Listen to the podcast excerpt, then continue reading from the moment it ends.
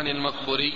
المقبري هو وهو أبو سعيد المقبري وهو أبو سعيد المقبري وهو ثقة أخرجه أصحابه وسعيد وأبوه كلهم كلهم ثقات وكلهم رووا عن أبي هريرة مباشرة. تحت أنه سعيد. نعم. اللي هو اللي هو الابن. نعم. نعم. سعيد. سعيد بن كيسان. نعم. عن؟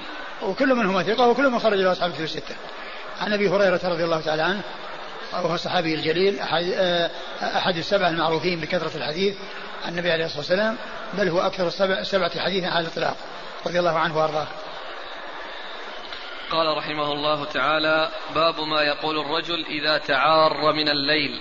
قال حدثنا عبد الرحمن بن إبراهيم الدمشقي قال حدثنا الوليد قال قال الأوزاعي حدثني عمير بن هانئ قال حدثني جنادة بن أبي أمية عن عبادة بن الصامت رضي الله عنه أنه قال قال رسول الله صلى الله عليه وعلى آله وسلم من تعار من الليل فقال حين يستيقظ لا إله إلا الله وحده لا شريك له له الملك وله الحمد وهو على كل شيء قدير سبحان الله والحمد لله ولا إله إلا الله والله أكبر ولا حول ولا قوة إلا بالله ثم دعا رب اغفر لي قال الوليد أو قال دعا استجيب له فإن قام فتوضأ ثم صلى قبلت صلاته.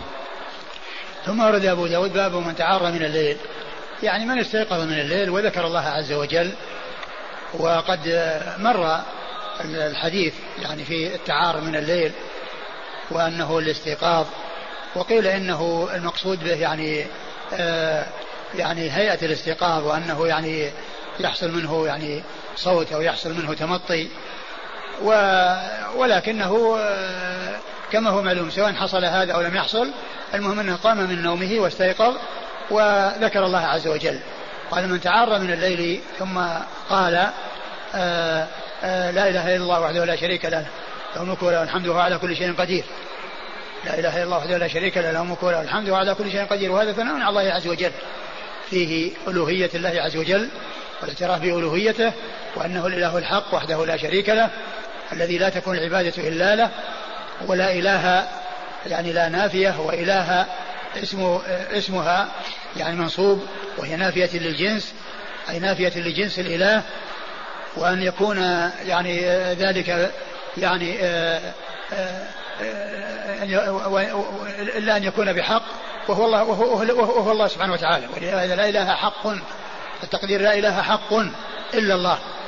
ولا يكون تقدير لا إله موجود. فإن هذا كلام غير صحيح لأن الآلهة موجودة مع الله.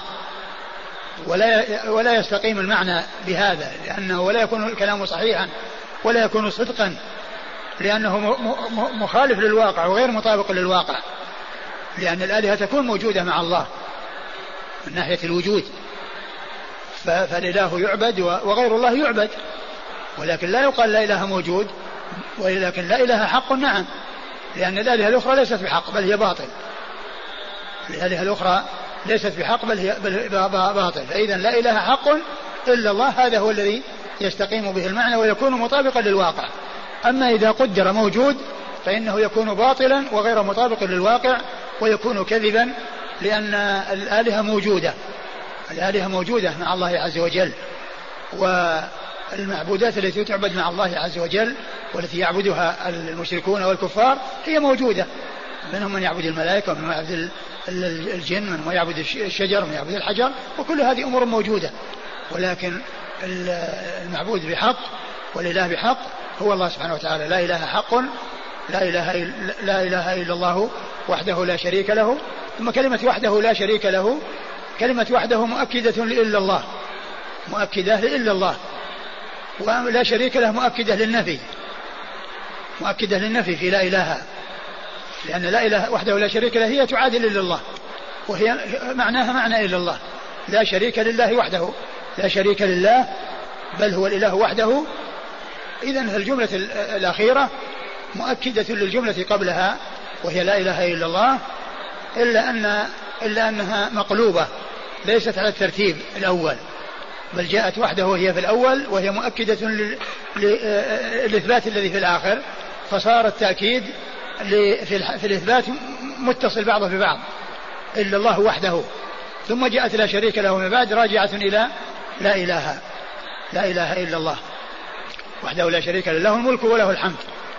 فهو مالك الملك وهو الذي بيده الملك وهو الذي يحمد على كل حال وهو على كل شيء قدير. لا يعجزه شيء بل هو قدير على كل شيء سبحانه وتعالى. وهذا يعني لفظ عام وعلى كل شيء قدير ولا يخرج منه استثناء لا يستثنى من شيء. وأما قول المتكلمين المتكلفين حيث يقولون وخص العقل ذاته فليس عليها بقادر وخص العقل ذاته فليس عليها بقادر هذا من التكلم نعم ذات الله شيء لكنها ما تدخل تحت على كل شيء قدير. ما تدخل. الذي يدخل هو الشيء الذي يدخل تحت قدرة الله عز وجل في كونه يعني يوجد ويميت ويحيي و... وأما كونه يقال أن الله عز وجل آه، ذاته هي شيء فإذا تكون مستثنات من قوله على كل شيء قدير فلا يكون قادرا على ذاته. هذا كلام باطل وهو تكلف و وتفسير الجلالين مع اختصاره وجازته ما سلم من مثل هذا التكلف. فإنه عند ختام سورة الماء سورة المائدة يعني وهي على كل شيء قدير قال وخص العقل ذاته فليس عليها بقادر. وخص العقل ذاته فليس عليها بقادر مع أنه مختصر جدا.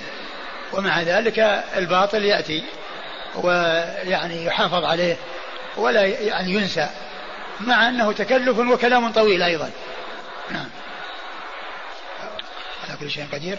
سبحان, سبحان الله والحمد, والحمد لله. ولا إله إلا الله والله أكبر. ولا قوة. سبحان الله والحمد لله. ولا إله إلا الله, الله والله أكبر. هذه الجمل مع خمس. ولا حول ولا قوة إلا بالله. والله أكبر. هذه الجمل الخمس. سبحان الله وهي تنزيه لله عز وجل. وهي تأتي للتنزيه. والحمد يأتي للإثبات. أقل. فهناك يعني تنزيه وإثبات. فالمحامد هي إضافات. وتضاف إلى الله عز وجل. وأما سبحان فإنه تنزيه الله عز وجل عما لا يليق به. تنزيه الله عز وجل عما لا يليق به. فهذا يعني نفي ونفي لما لا يليق عن الله لا يليق بالله عن الله وهذا إضافة ما يليق بالله إلى الله الذي هو الحمد. سبحان الله والحمد لله. ولهذا يأتي يعني كثيرا في بعض الأحاديث سبحان الله وبحمده. سبحان الله وبحمده يجمع بين التسبيح والتحميد. لأن هذا تنزيه وهذا آه إثبات. هذا نفي وهذا إثبات. يكون الإنسان جامعا بين هذا وهذا. سبحان الله والحمد لله ولا إله إلا الله. وهي كلمة الإخلاص وهي كلمة التوحيد. ولا حول ولا قوة إلا بالله. أن يكون الإنسان يبرأ من الحول والقوة وأنه لا يعني يحصل له ذلك إلا بالله ولا يقدر على ذلك إلا بإقدار الله وأن كل شيء يرجع إلى قدرة الله وإلى مشيئة الله وإرادته ما شاء الله كان وما لم يشاء لم يكن. وكما قال عليه الصلاة والسلام في حديث ابن عباس أو وصية ابن عباس واعلم أن الأمة لو اجتمعوا على أن ينفعوك لم ينفعوك إلا بشيء قد كتبه الله لك ولو اجتمعوا على أن يضروك لم يضروك إلا بشيء قد كتبه الله عليك لم يضروك إلا بشيء قد كتبه الله عليك. ثم ما يحصل عن طريق الناس من الإحسان هو من الله عز وجل. هو الذي سخرهم وهو الذي آه، وفقهم لأن يحصل منهم الإحسان لمن حصل لهم الإحسان. وهو الذي آه، وفق لدفع الشر من ممن فيه شر عن وصول الشر إلى من يريدون إيصاله إليه. الله عز وجل إذا شاء شيئا وجد سواء كان خيرا أو شرا لا يقع في ملك الله إلا ما شاءه الله. والخير والشر كله من الله عز وجل. لا يقع في الوجود شيء إلا هو بمشيئته وإرادته. سواء كان نافعا أو ضارا وسواء كان خيرا أو شرا كل ذلك يرجع إلى قدرة الله سبحانه وتعالى وإلى مشيئته وإرادته. والله أكبر. يعني تعظيم لله عز وجل وأنه أكبر من كل شيء وأعظم من كل شيء وكل شيء ضئيل أمام عظمته سبحانه وتعالى وكبريائه سبحانه وتعالى. إيش بعده؟ ثم دعا رب اغفر لي. ثم دعا رب اغفر لي. يعني بعد أن أتى بهذه التوسلات وهذه التمهيدات التي هي ثناء على الله عز وجل وتعظيم لله ولهذا يأتي كثيرا في أدعية الرسول صلى الله عليه وسلم في الأدعية النبوية الشرعية التمهيد للطلب والدعاء بتعظيم الله عز وجل وتقديسه وتنزيهه وتمجيده والثناء عليه وهذا من أسباب قبول الدعاء. من أسباب قبول الدعاء أن يسبق بالثناء على الله عز وجل. مثل ما جاء في الحديث في قصة الرجل الذي قال عجل هذا حيث دعا لم يصلي لم يحمد الله ولم يصلي على رسوله صلى الله عليه وسلم. ولهذا شرع في صلاة الجنازة قبل الدعاء للميت في الصلاة قراءة الفاتحة في التكبيرة الأولى وقراءة والصلاة على النبي في التكبيرة الثانية فيكون سبق بشيء آه، هو من أسباب قبول الدعاء. كون مسبوقا بحمد الله والصلاة على رسول الله صلى الله عليه وسلم. فهديه عليه الصلاة والسلام أنه في كثير من الأدعية تكون الأدعية والطلب مسبوق بحمد وثناء وتمجيد وتعظيم وتنزيه لله سبحانه وتعالى. ثم قال اللهم اغفر لي. نعم. نعم. قال الوليد أو قال دعا استجيب له. أو قال دعا. يعني الوليد يعني قال دعا ما قال يعني يا رب اغفر لي. نعم. هو الحديث في طريقين ولا طريق واحد؟ واحد. واحد؟ نعم. نعم طريق واحد. إيش قال؟ أغفر لي؟ أو أو قال دعا استجيب له. أو قال دعا يعني شك. يعني هل قال هذا أو قال هذا؟ يعني فكلمة دعا عامة وكلمة رب اغفر لي خاصة دعاء خاص وطلب المغفرة. نعم.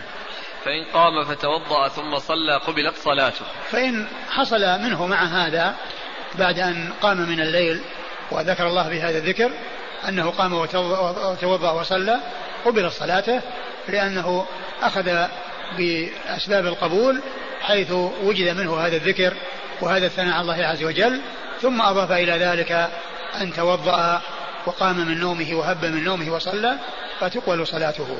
نعم. قال حدثنا عبد الرحمن بن إبراهيم الدمشقي. عبد الرحمن بن إبراهيم الدمشقي هو ثقة وهو الملقب دحيم. ودحيم مأخوذة من عبد الرحمن. مأخوذة من عبد الرحمن وهو ثقة اخرج له البخاري. وأبو داود والنسائي وابن ماجه. البخاري والبخاري وأبو داود والنسائي وابن ماجه. عن الوليد عن الوليد بن مسلم الدمشقي وهو ثقة أخرجه أصحاب كتب الستة.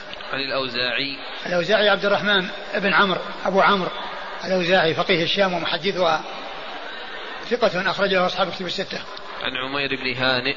عن عمير بن هانئ وهو ثقة أخرج له أصحاب الكتب. أصحاب الكتب الستة. عن جنادة بن أبي أمية. عن جنادة بن أبي أمية وهو ثقة أخرج أصحاب الكتب. ثقة أخرجه أصحاب الكتب الستة. عن عبادة بن الصامت. عن عبادة بن الصامت رضي الله عنه وحديثه أخرجه أصحاب الكتب الستة. الإسناد مرة ثانية. كيف يا شيخ؟ الإسناد مرة ثانية. قال حدثنا عبد الرحمن بن إبراهيم الدمشقي قال حدثنا الوليد قال قال يعني كلهم من رجال الكتب الستة إلا إلا شيخ أبي داود. وهو من رجال البخاري وأبي داود والنسائي وابن ماجه.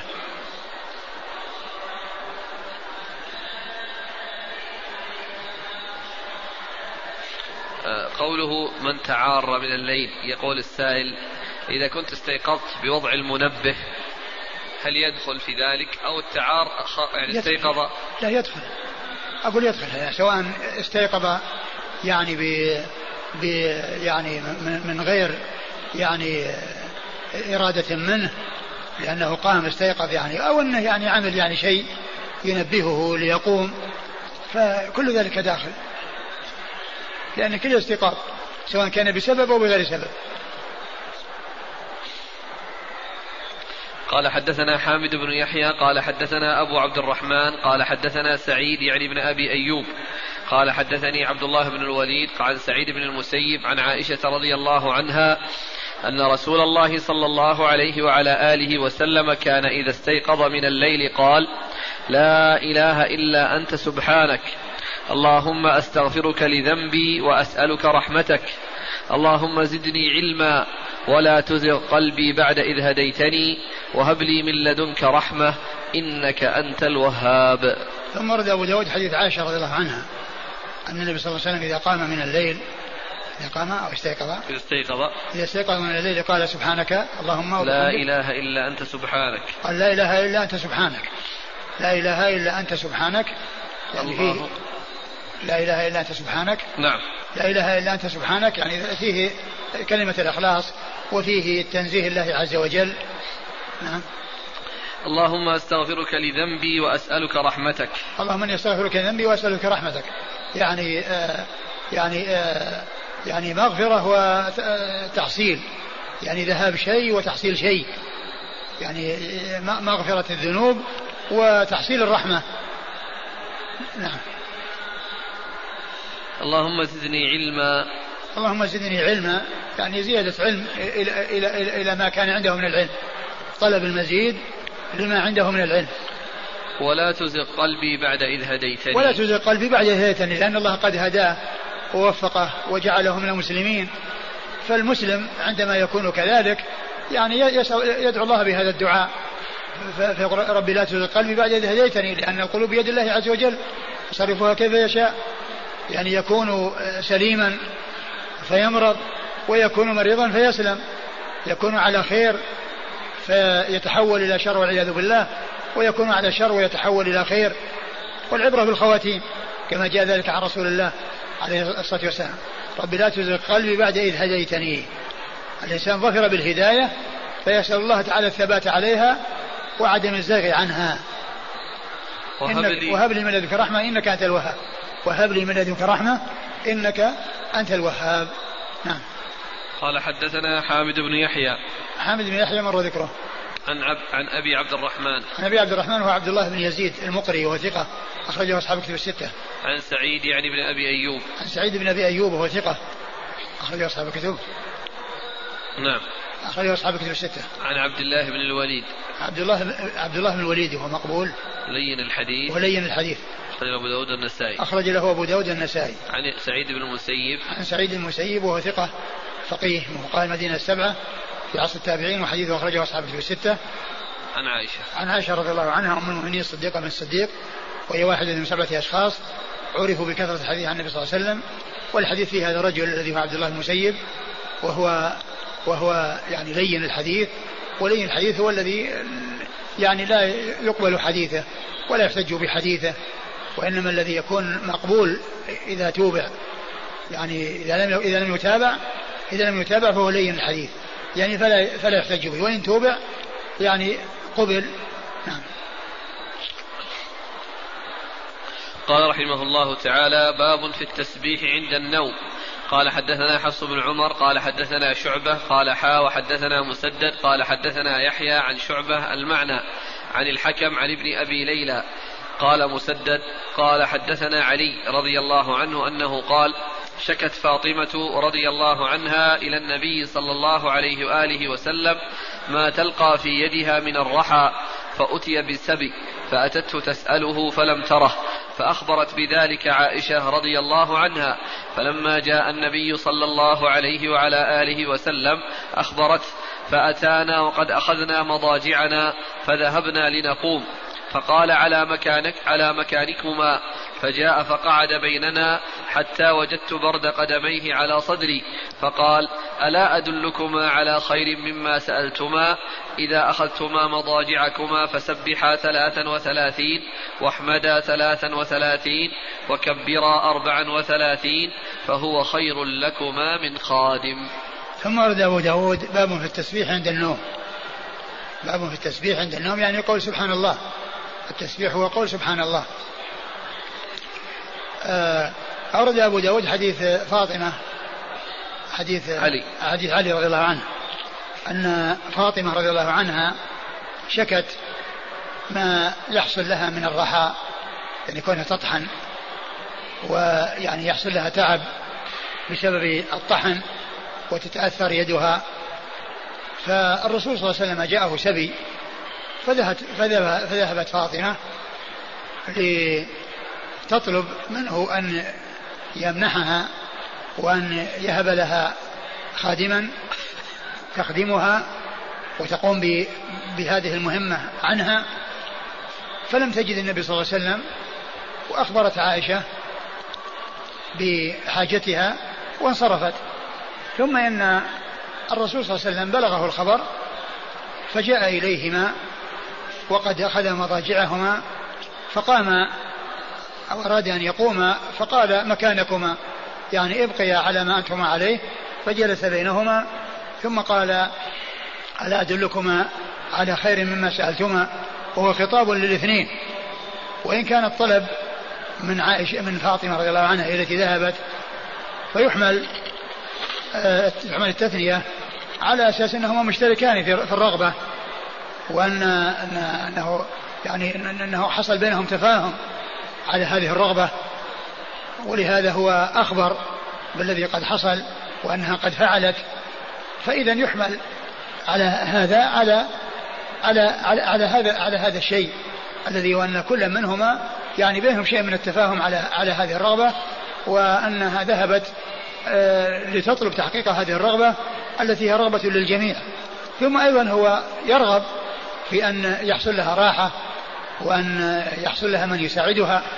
فالنبي صلى الله عليه وسلم أرشدهم أرشدهما إلى أن إلى أن يذكر الله بهذا الذكر عند النوم وهو يسبح يسبح الله 33 ويحمدان 33 ويكبران 34 وتكون 100 فيكون العدد 100 وقال إن هذا خير لكما من خادم. خير لكما من خادم. وجاء في بعض الروايات أنه جعل يعني ذلك لفقراء أو ليتامى يعني بدر الذين يعني قتل آبائهم يعني في في بدر.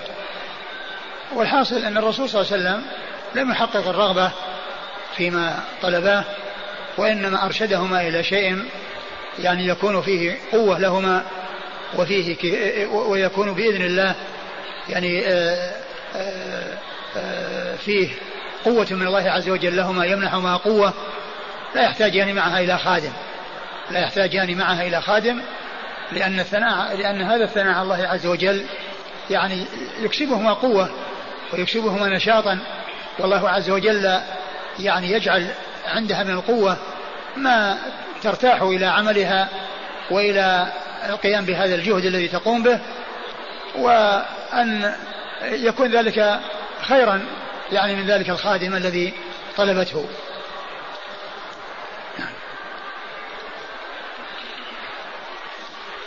يقول عن علي رضي الله عنه قال شكت فاطمة إلى النبي صلى الله عليه وآله وسلم ما تلقى في يدها من الرحى فأتي بثبي فأتته تسأله فلم تره فأخبرت بذلك عائشة فلما جاء النبي صلى الله عليه وآله وسلم أخبرته فأتانا وقد أخذنا مضاجعنا فذهبنا لنقوم فقال على مكانكما فجاء فقعد بيننا حتى وجدت برد قدميه على صدري. فقال ألا أدلكما على خير مما سألتما إذا أخذتما مضاجعكما فسبحا ثلاثا وثلاثين واحمدا ثلاثا وثلاثين وكبرا أربعا وثلاثين فهو خير لكما من خادم. هل يدل هذا على جواز دخول الأب على بنته مع زوجها في حال الفراش؟ يعني في حال اولا الرسول صلى الله عليه وسلم يعني حصل حصل منه هذا الشيء.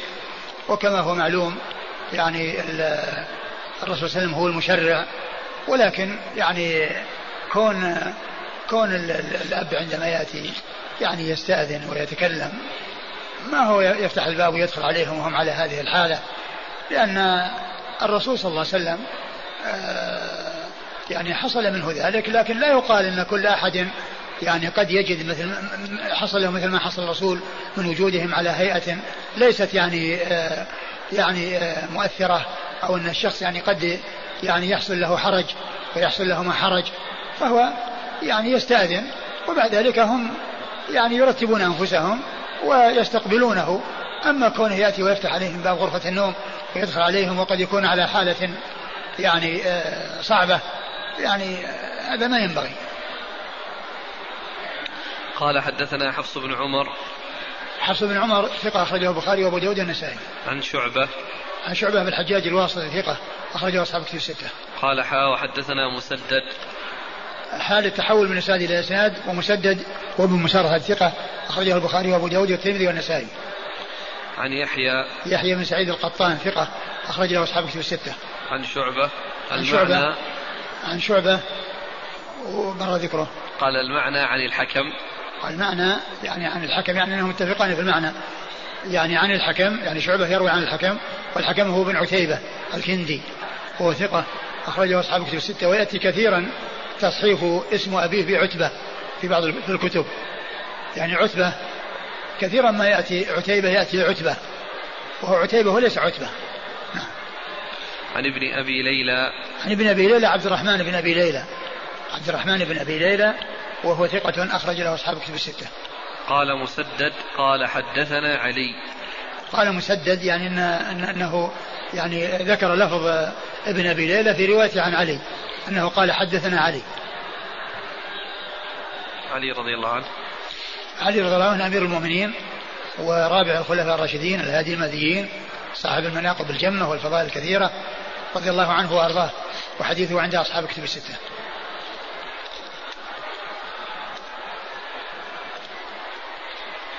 قال حدثنا مؤمل بن هشام اليشكري قال حدثنا إسماعيل بن إبراهيم عن الجري عن الجريري عن أبي الورد بن ثمامة. قال قال علي رضي الله عنه لابن أعبد ألا أحدثك عني وعن فاطمة رضي الله عنها بنت رسول الله صلى الله عليه وآله وسلم وكانت أحب أهله إليه وكانت عندي فجرت بالرحى حتى أثرت بيدها واستقت بالقربة حتى أثرت في نحرها وقمت البيت حتى اغبرت ثيابها وأوقدت القدر حتى, دكن حتى دكنت ثيابها وأصابها من ذلك ضر. فسمعنا أن رقيقا أتي بهم النبي صلى الله عليه وآله وسلم فقلت لو أتيت أباك فسألتيه خادما يكفيك. فأتته فوجدت عنده حداثا فاستحيت فرجعت فغدا علينا ونحن في لفاعنا فجلس عند رأسها فأدخلت رأسها في اللفاع حياء من أبيها. فقال ما كان حاجتك أمس إلى آل محمد؟ فسكتت مرتين. فقلت أنا والله أحدثك يا رسول الله إن هذه جرت عندي بالرحى حتى أثرت في يدها واستقت بالقربة حتى أثرت في نحرها وكسحت البيت حتى اغبرت ثيابها وأوقدت القدر حتى دكنت ثيابها وبلغنا أنه قد أتاك رقيق أو خدم. فقلت لها سليه خادما فذكر معنى حديث الحكم وأتم.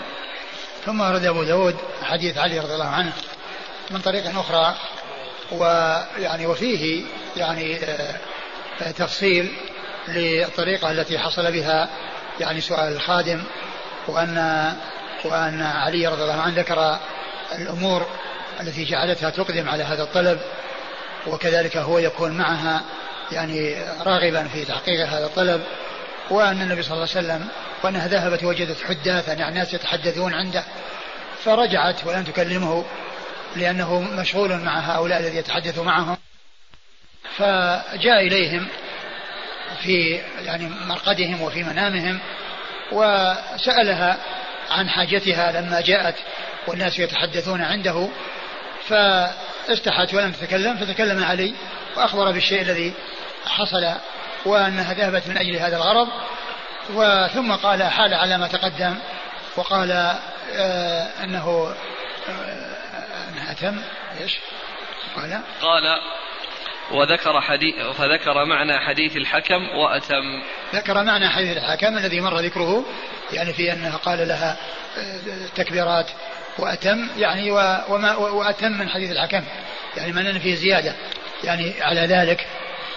والحديث آه، فيه يعني ما يتعلق بحديث الحكم من ناحية أنها أنها طلبت وأنها آه، الرسول أرشدهم إلى ما يغني عن الخادم. يعني هذا ثابت كما هو في الطريقة الأولى ثابتة. وأما الطريقة الثانية يعني ففيها ضعف والذي جاء في أولها هو الذي جاء في هذه الطريق. الذي جاء في أولها هو الذي جاء في هذه الطريق. وأما آخرها فإنه قد جاء في حديث علي رضي الله عنه متقدم. نعم. قال حدثنا مؤمل بن هشام اليشكري. مؤمل بن هشام اليشكري هو؟ ثقة أخرج البخاري وأبو داود النسائي. ثقة أخرج البخاري وأبو داود النسائي. عن إسماعيل بن إبراهيم. إسماعيل بن إبراهيم بن علية وهو ثقة أخرج له أصحاب كتب الستة. عن الجريري. عن الجريري سعيد بن إياس الجريري ثقة أخرج له أصحاب كتب الستة. عن أبي الورد بن ثمامة. عن أبي الورد بن أبي الورد بن ثمامة. أبو الورد بن ثمامة وهو مقبول أخرج له البخاري في المفرد وأبو داود والترمذي والنسائي في مسند علي. البخاري في المفرد وأبو داود والترمذي والنسائي في مسند علي. قال علي لابن أعبد. قال علي لابن أعبد. قال علي لابن أعبد وابن أعبد هذا هو آه، مجهول. أخرجه أبو داود. اسمه إيش قال؟ علي بن أعبد. علي بن علي بن أعبد هو مجهول. أخرج له أبو داود والنسائي في مسند علي. علي. عن علي. عن علي رضي الله عنه وقد مر ذكره. يقول هل في الحديث دليل على أن المراد بآل النبي أزواجه؟ حيث قال كما كان حاجتك أمس إلى آل محمد. نعم يعني هذا أقول هذا يدل على أنهم من أزواجه. لكن كما هو معلوم أزواجه من آله. والقرآن جاء بهذا وهو من أوضح الأمور الواضحة في ذلك لأن الخطاب يعني في آيات سورة الأحزاب هو لزوجات النبي صلى الله عليه وسلم. وقد قال إنما يريد الله ليذيع عنكم رزق أهل البيت ويطهركم تطهيرا وقد ذكر خطابهن قبل هذه الجملة وبعدها. ولكن لم تأتي لم يأتي في القرآن الخطاب لهن على سبيل التحديد ما قال الله عنكم عنكن الرجس أهل البيت. لأن أهل البيت يشملهم ويشمل يشملهن ويشمل غيرهن. وهذا تطهير لهن ولغيرهن. ولهذا جاء في السنة يعني بيان أن علي وفاطمة والحسن والحسين من أهل البيت. والقرآن صريح في أن أزواج رسول الله صلى الله عليه وسلم من أهل البيت. نعم. أحسن الله إليك. صفة التسبيح مثل صفة سبحان ما بعد الصلاة يعني يجوز نعم سبحان الله والحمد لله والله أكبر. ويجوز الشكل الثاني وهو أن يتم التسبيح 33 ثم يعود ويحمد الله 33 ثم يبدأ مرة أخرى. والله الذي يبدو أنه مثله. يعني إن جمعهما وإن فرق إن جمعها وإن فرقها. كل ذلك صحيح.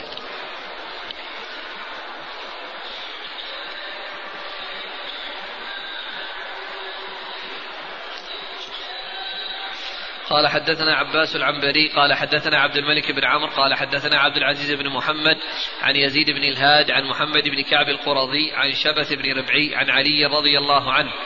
عن النبي صلى الله عليه وعلى آله وسلم بهذا الخبر قال فيه قال علي فما تركتهن منذ سمعتهن من رسول الله صلى الله عليه وآله وسلم إلا ليلة صفين فإني ذكرتها من آخر الليل فقلتها.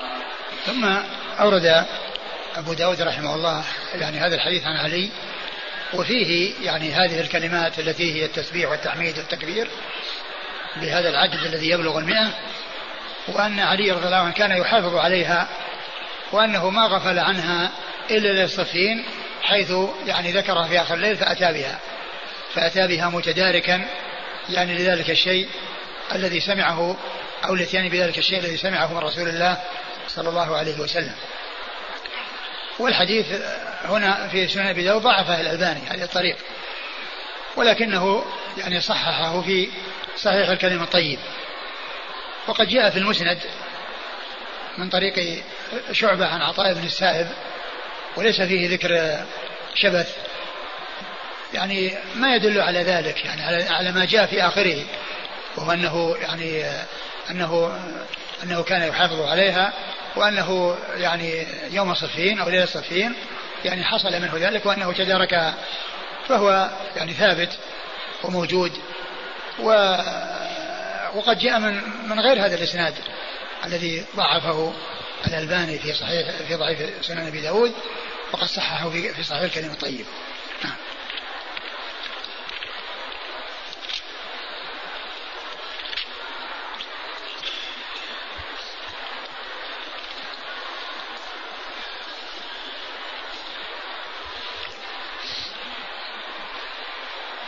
قال حدثنا عباس العنبري عباس بن عبد العظيم العنبري ثقة أخرجه البخاري تعليقا ومسلم وأصحاب السنة. عن عبد الملك بن عمرو. عبد الملك بن عمرو وهو ثقة أخرجه أصحاب الكتب. هو العقدي. أبو عامر أبو عامر العقدي هو ثقة أخرجه أصحاب الكتب الستة. عن عبد العزيز بن محمد. يزيد محمد الدراوردي صدوق أخرجه أصحاب الكتب الستة. عن يزيد بن الهاد. عن يزيد بن الهاد يزيد بن الهاد هو ثقة أخرجه أصحاب الكتب الستة. عن محمد بن كعب القرظي. عن محمد بن كعب القرظي ثقة أخرجه أصحاب الكتب الستة. عن ش... نعم. عن, ش...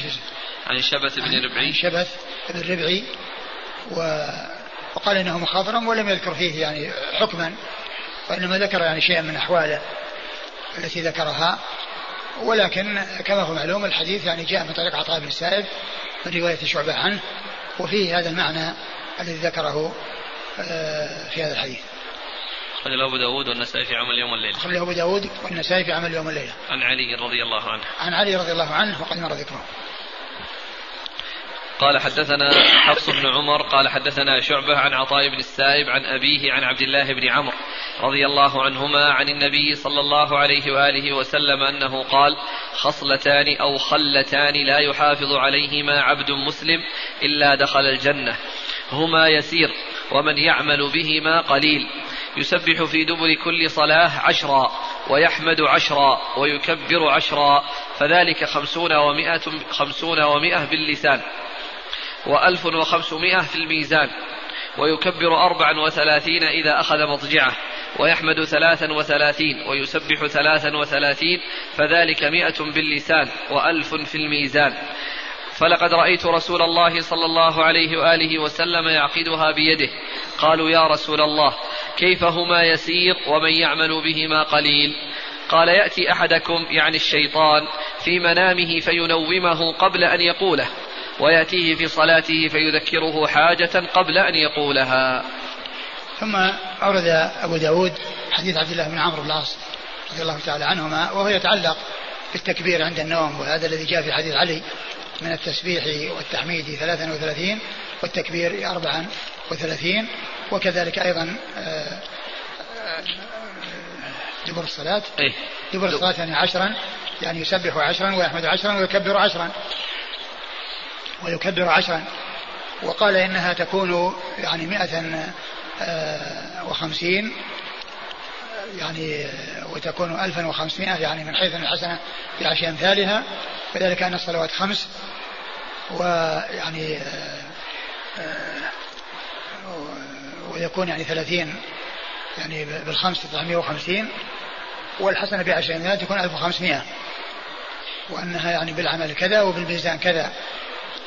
و ففيه يعني في الجزء الأخير هو الذي يتعلق بالترجمة والجزء الأول لا يتعلق بالترجمة ولكنه يتعلق بالذكر عقب الصلاة. نعم. قال فلقد رأيت رسول الله صلى الله عليه وسلم يعقدها بيده. يعقدها بيده يعني بأصابعه. يعقدها بأصابعه يعني يعدها يكبر ويسبح ويهلل. نعم. يعني حتى حتى يعرف العدد. لأن يعني العدد يعرف بالعد. لأنه بدون عدد يصير مجهول. ما يصير ضبط العدد ولكن بالعد يعرف. قال حدثنا حفص بن عمر عن شعبة عن عطاء بن السائب.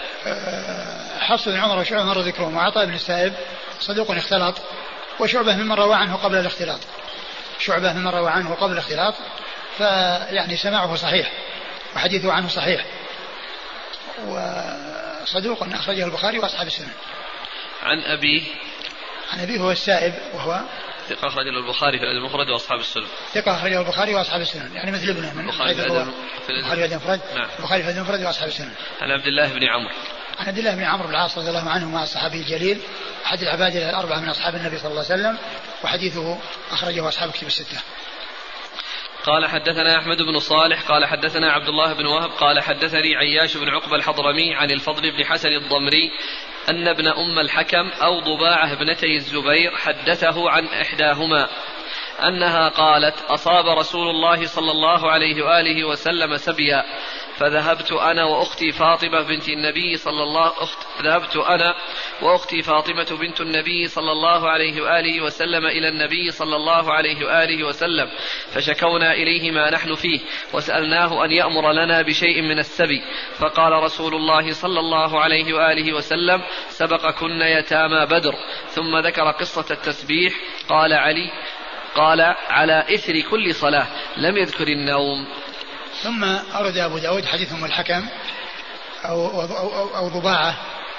يعني ابنة الزبير ابن عبد المطلب ابنة عم النبي صلى الله عليه وسلم. والحديث سبق أن مر يعني عن عن واحدة منهما. وليس فيه ذكر الواسطة الذي هو الابن الذي يروي عنهما. و وأن الفضل الفضل هو إيش اسمه؟ اللي قبل الفضل بن حسن الضمري نعم يعني روى عنهما وأنه روى عنهما مباشرة بدون واسطة. و وقد جاء وقد جاء يعني جاءت يعني الثلاث إلى النبي صلى الله عليه وسلم لأنه هنا جاء قال أنا وأختي وفاطمة في يعني في بعض الروايات يعني فيكون ثلاث لجان يعني أنا وأختي وفاطمة. وفي بعض الروايات سقطت الواو بين يعني بين أختي وبين فاطمة. فتكون يعني ما كأنهما اثنتان. وتكون أختها يعني أخوة إسلام. ولكن الذي يعني جاء بواو العطف فيكون الثلاث ذهبنا إلى رسول الله صلى الله عليه وسلم آه ابنته وابنة عمه. ابنته وابنة عمه وكلهن هاشميات. كلهن من بني هاشم. بنات يعني نسل هاشم بن عبد المطلب. وكلهم من أهل البيت. وجاء يعني يطلب والرسول جاءه السبي فجاءوا يطلبون منه. فالرسول صلى الله عليه وسلم سبقهم لذلك يتامى بدر. يعني الذين فقد آباءهم هم الأحق بأن يعطوا وأن يكون لهم يعني يعني النصيب يعني في ذلك. ولم يعطيهم شيئا. وذكر مسألة التسبيح يعني دبر الصلاة. ولم يذكر التسبيح عند النوم وهو محل وهو محل الشاهد الذي يعني آه، آه، يكون الإيراد من أجله في باب آه، الدعاء عند النوم. لا لا بإيش؟ باب في التسبيح عند النوم. نعم في التسبيح عند النوم نعم. الحديث يعني يصح الآن ولا؟ الحديث صحيح. صحيح. تبقى هذه الإشكالات في المتن؟ أي أي إشكال. ذهبت أنا وأختي. ما في إشكال يعني كلهم ذهبوا. هي وأختها وفاطمة.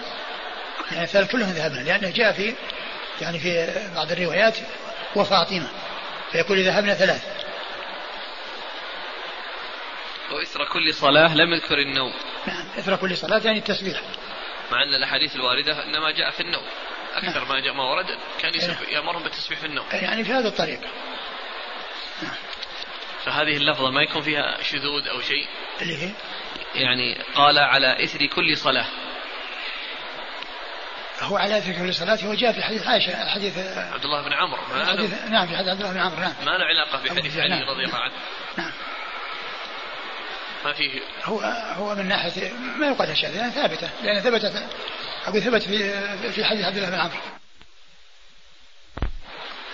الحديث الذي سبق الحديث هذا سبق أن مر في كتاب الخراج وعن أم الحكم أو ضباعة وفيه يعني أن أن أن أنها أنها أختها وفاطمة يعني فيه ذكر الواو وليس فيه ذكر الواسطة الذي هو الإبن. والابن يعني مجهول لا يعرف. وأما بقية الإسناد يعني لا بأس لا بأس بهم فهو ثابت. ولكن لا أدري لفظه هناك يعني فيما يتعلق بالتسبيح يعني عند النوم هذا هل موجود أو غير موجود؟ لا أذكر. قال حدثنا وأنا ذكرت وأنا ذكرت أم الحكم وضباعة يعني في فضل أهل البيت وعلو مكانتهم يعني ذكرت يعني جملة من أهل البيت من النساء والرجال وذكرت أم الحكم وضباعة وأشرت إلى رقم الحديث الذي في كتاب الخراج عند أبي داود الذي فيه ذكرهما وأنهما صحابيتان وأنهما يعني من بنات عم الرسول صلى الله عليه وسلم وأنهن من نساء أهل البيت. نعم. قال حدثنا أحمد بن صالح أحمد بن صالح المصري ثقة أخرجه البخاري وأبو داود والترمذي في الشمائل. عن عبد الله بن وهب. عبد الله بن وهب المصري ثقة أخرجه أصحابه في الستة. عن عياش بن عقبة الحضرمي. عن عياش بن عقبة الحضرمي وهو ثقة أخرج له صدوق أخرجه أبو داود النسائي صدوق أخرجه أبو داود النسائي عن الفضل بن حسن الضمري. عن الفضل بن حسن الضمري وهو ثقة. صدوق أخرجه أبو داود. وصدوق أخرجه أبو داود. والابن لا يعرف. أخرجه أبو داود. نعم أخرجه أبو داود. وأم الحكم وضباعة. أم الحكم وأم الحكم أخرج لها. صحابية أخرجها أبو داود. أخرجها أبو داود. وضباع أخرجها أبو داود النسائي بن أبو ماجه. داود النسائي وابن ماجه. وضباعة بنت الزبير هي صاحبة حديث الاشتراط في الحج في قصة الاشتراط الذي جاءت الرسول وقالت إني أنا أريد الحج وأنا شاكية. فقال اشترطي فقول إن إن حبستني فمحل حيث حبستني. هي صاحبة الاشتراط نعم. في الأحاديث المتقدمة أن فاطمة جاءت إلى النبي صلى الله عليه وسلم فلم تجده فرجعت. وفي هذا أن النبي صلى الله عليه وسلم خاطبهم بقوله سبقكن يتامى بدر. ما في تنافي. يمكن يعني يكون يعني هذا فيه فيه ذكر شيء ما ذكر هناك وبيان يعني الأولوية وبيان من هو الأولى. وهنا يعني أرشد إلى السبق وهناك أرشد إلى العوض وما يقوم مقام الخادم. نعم. قال باب ما يقول إذا أصبح. والله تعالى أعلم وصلى الله وسلم وبارك على هدي رسول نبينا محمد وعلى آله وأصحابه أجمعين. جزاكم الله خيرا وبارك الله فيكم ونفعنا الله ما قلتم. يقول السائل هل القيام بعد أداء الصلاة بدون أن يذكر الله من خوارم المروءة خاصة عند طلاب العلم؟ فنرجو منكم؟ هل القيام بعد أداء الصلاة بدون أن يذكر الله تبارك وتعالى؟ من خوارم المروءة خاصة لطلاب العلم. فنرجو نصيحة من فضيلتكم في المحافظة على الذكر دبر الصلوات ومجاهدة النفس على نعم. ذلك. والله لا شك أنه لا يليق لا يليق بالإنسان أن يسرع وأن يقوم بسرعة من غير ضرورة تلجئ إلى ذلك. إذا كان مضطرا إلى ذلك هذا شيء آخر. وأما إذا كان ما هناك ضرورة فعليه أن يتريث وأن يذكر الله عز وجل وأن يعني لا يستعجل يعني آه، بحيث أنه يشوش على الناس. وأيضا يفوت على نفسه يعني ذلك الخير الكثير أو ينشغل عنه. ف وطلاب العلم لا شك أنهم أولى من غيرهم لأنهم هم الذين يتعلمون وهم الذين يعرفون الأحكام الشرعية ويقفون عليها ويطلعون عليها فالمسؤولية عليهم أعظم المسؤولية على غيرهم ممن من العوام الذين هم ليسوا يعني من أهل التفقه ومن أهل التعلم. معلوم أن المتعلم يعني عنده ما ليس عند غير المتعلم ولهذا المطلوب منه أعظم وأكثر مما يطلب من غير المتعلم. وهل يمكن إذا رأينا الرجل يقوم بعد صلاة الفريضة مباشرة ولا يذكر الأذكار هل ممكن أن نقول أن هذا من تأثير الشيطان عليه لأنه شغله عن الذكر بعد الصلاة؟ لا يقال هذا لأنه قد يكون مضطر قد يكون مضطر ويذكر الله عز وجل وهو يمشي إذا كان مضطرا. ولكن الشأن فيما إذا كان هناك لم يكن هناك ضرورة. وأما الإنسان مضطر له أن يقطع الصلاة إذا احتاج إلى قطعها.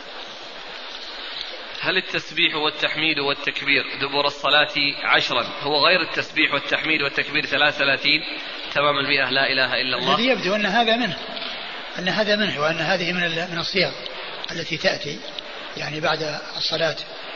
ولكن يعني كما هو معلوم الإتيان بما هو أتم وبما هو أكمل أولى.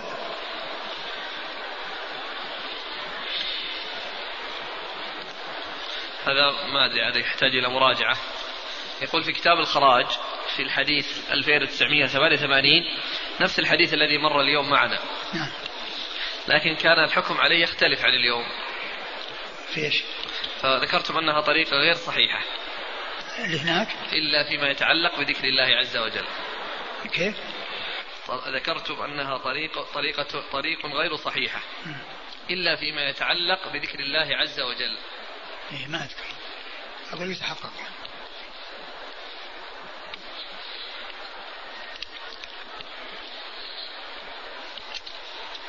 طيب زيادة ابن أم الحكم هنا في هذا الإسناد مع أنه لا يوجد في الإسناد السابق. يعني هناك آه، الإسناد متصل. الفضل عن أم الحكم عن أم. الحكم مباشرة. وزيادته هنا. وزيادته هنا يعني آه، لا تؤثر. أقول لا تؤثر عليه.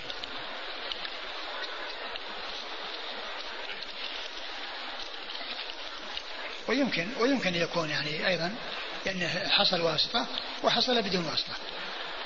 أقول روى عنهم بواسطة وبغير واسطة. يمكن. ما في لا تنافي. ومن المعلوم أنه يعني آه، أحيانا يحصل آه، ال- ال- الحديث بطريقة نازلة ثم يبحث عنه ويحصل بطريقة عالية. ويحصل بطريقة عالية.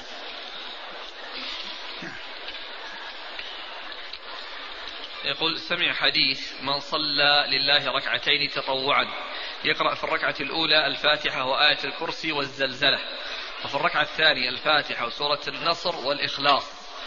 من قرأ من فعل ذلك يبتدرونها سبعون ألف ملك يكتبون أجرها فأطلب الإفادة عن صحة ذلك. لا أعرف عنه شيئا قال جاء عند البخاري تحت باب قوله عز وجل وجوه يومئذ ناظرة. حديث أنس وفيه ثم أعود الثالثة فأستأذن على ربي في داره فيؤذن لي عليه. ما المقصود في داره؟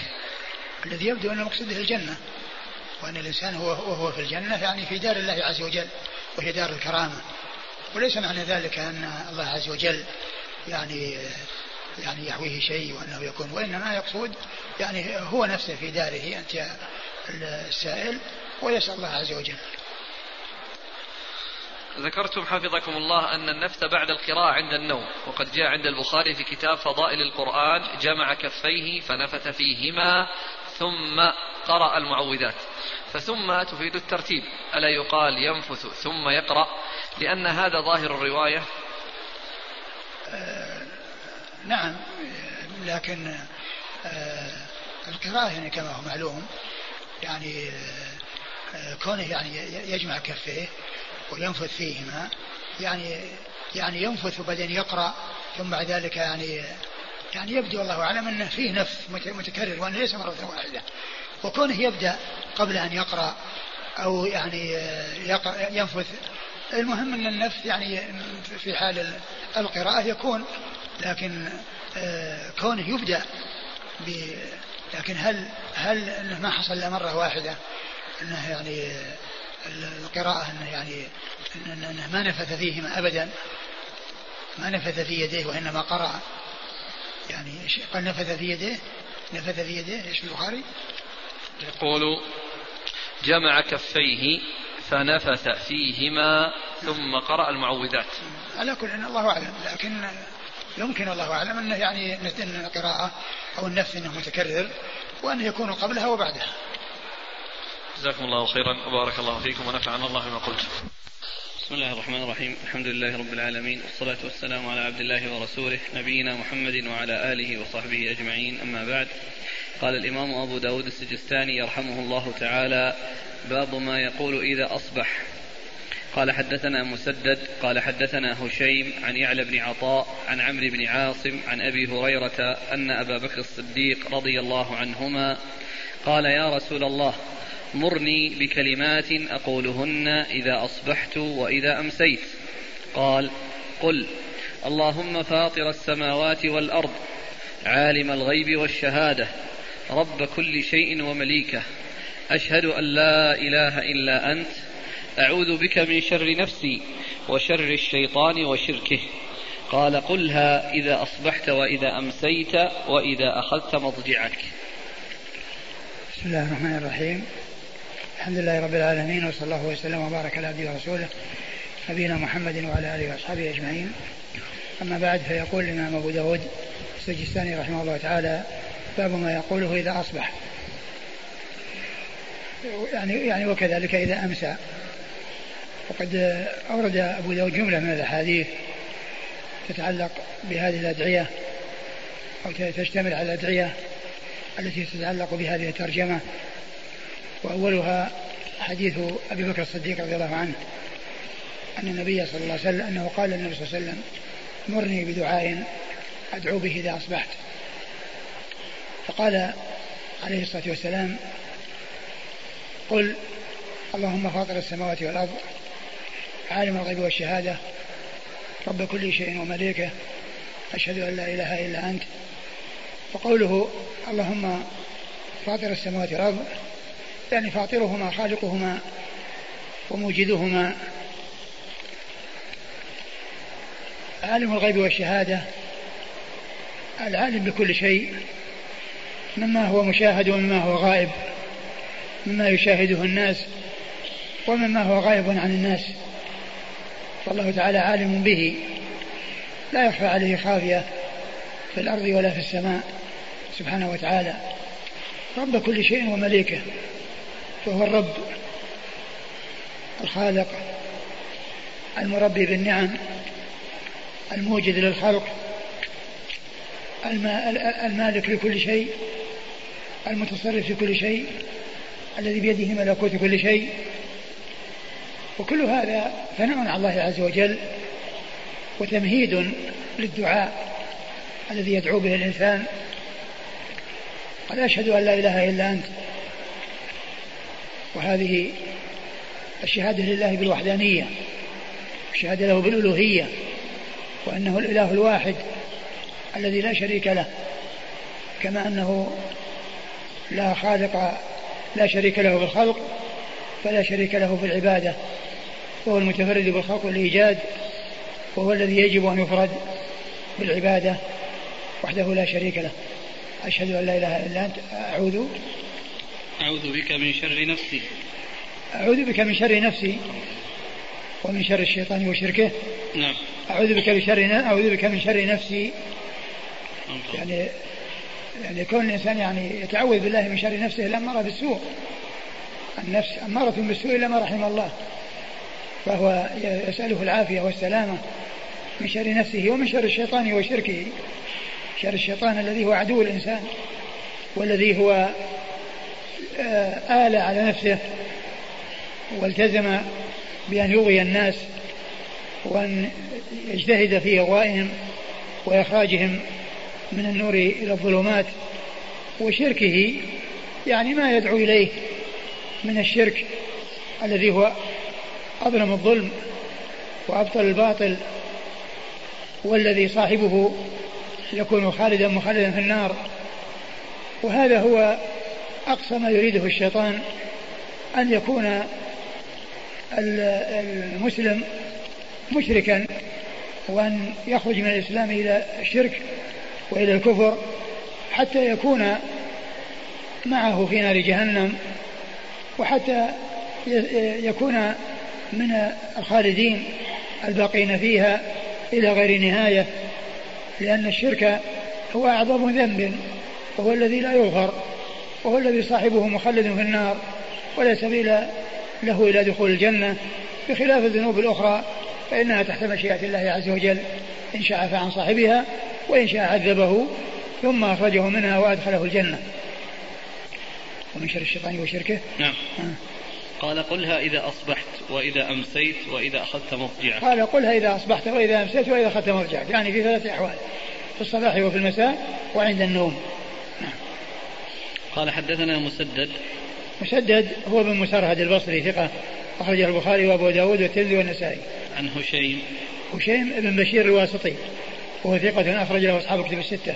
عن يعلى بن عطاء. عن يعلى بن عطاء وهو ثقة أخرج له البخاري في جزء القراءة ومسلم وأصحاب السنن البخاري في جزء القراءة ومسلم وأصحاب السنن عن عمرو بن عاصم. عن عمرو بن عاصم وهو ثقة أخرج البخاري في المفرد وأبو داود والترمذي والنسائي. ثقة أخرجه البخاري في المفرد وأبو داود والترمذي والنسائي.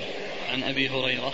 عن أبي هريرة عبد الرحمن بن صخر الدوسي رضي الله عنه صاحب رسول الله صلى الله عليه وسلم وهو أكثر الصحابة حديثا على الإطلاق رضي الله عنه وأرضاه.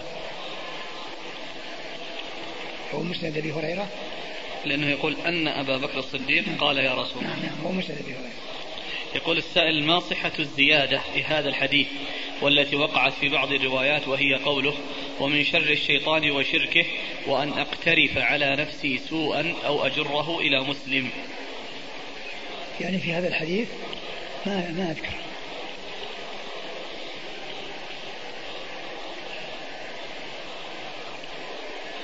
وفي حديث آخر فيه يعني بعض الروايات بشرك يعني وحبائله.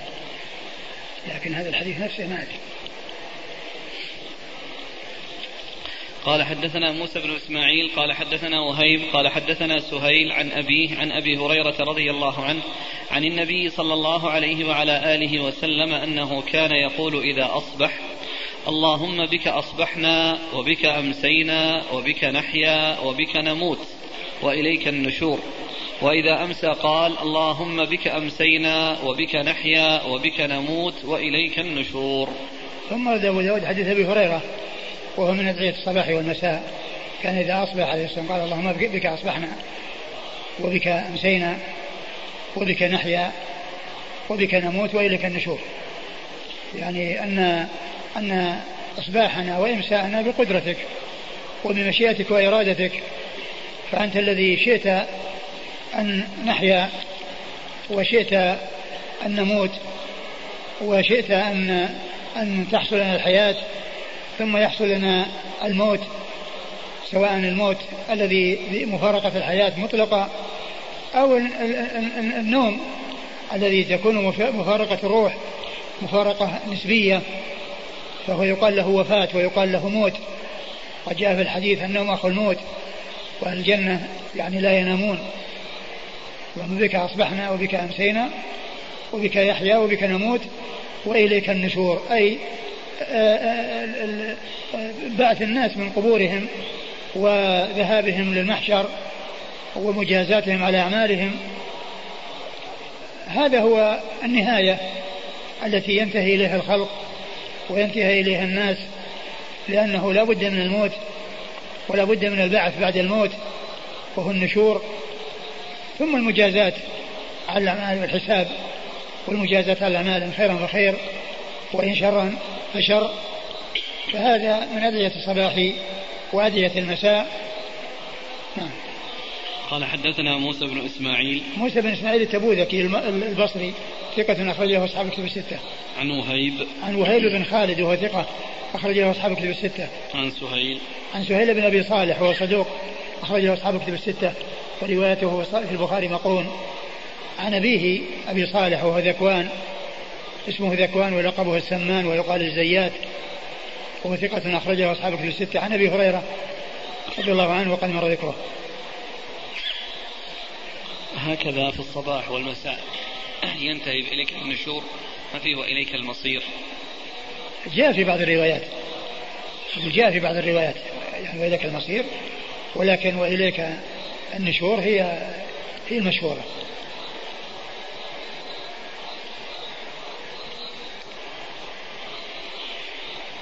قال حدثنا أحمد بن صالح قال حدثنا محمد بن أبي فديك قال أخبرني عبد الرحمن بن عبد المجيد قال عن هشام بن الغاز بن ربيعة عن مكحول الدمشقي عن أنس بن مالك رضي الله عنه أن رسول الله صلى الله عليه وعلى آله وسلم قال من قال حين يصبح أو يمسي اللهم إني أصبحت أشهدك وأشهد حملة عرشك وملائكتك وجميع خلقك أنك أنت الله لا إله إلا أنت وأن محمدا عبدك ورسولك.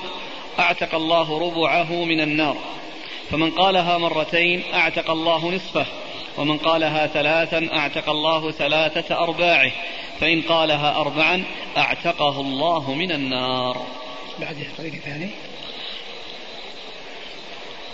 حديث حديث حديث سيد الاستغفار. اللي بعده إيه؟ نعم ثم أورد بعد ذلك أبو داود حديث آه آه أنس بن مالك. حديث أنس بن مالك رضي الله عنه أن النبي صلى الله عليه وسلم قال من, من قال إذا أصبح اللهم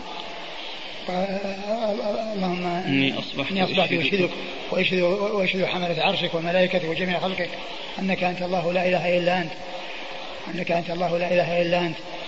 إلا اعتق الله ربعه من النار وإن قالها يعني حتى بلغ أربعا يعتق الله جميعه من النار. و ويعني هذا الدعاء أو هذا يعني هذا ثناء على الله عز وجل ثناء على الله عز وجل وتعظيم له سبحانه وتعالى بأن بأن الله تعالى هو رب كل شيء ومليكه ويعني آه، يعترف بذلك ويشهد يعني هؤلاء الخلق أنه معترف بهذا الشيء وأنه مقر بهذا الشيء وأنه معظم لله عز وجل فهو ثناء ثناء من العبد على ربه سبحانه وتعالى. والحديث ضعفه الألباني وذكر يعني في إسناده مكحول لكنه جاء من طريق أخرى يعني يمكن أن يعني يحسن يعني بها يعني بالطريقين. لأن مكحول مدلس ويرسل ولكن إذا إذا انضم إليه الطريق الآخر يعني يكون مقبولا. نعم. قال حدثنا أحمد بن صالح. أحمد بن صالح المصري ثقة أخرجه البخاري وأبو داود والترمذي في الشمائل. عن محمد بن أبي فديك. محمد بن أبي فديك وهو؟ صدوق أخرج أصحاب الكتب. صدوق أخرج أصحاب الكتب الستة. عن عبد الرحمن بن عبد المجيد. عن عبد الرحمن بن عبد المجيد وهو؟ مجهول أخرجه أبو داود. وهو مجهول أخرج له أبو داود. مجهول أو مقبول؟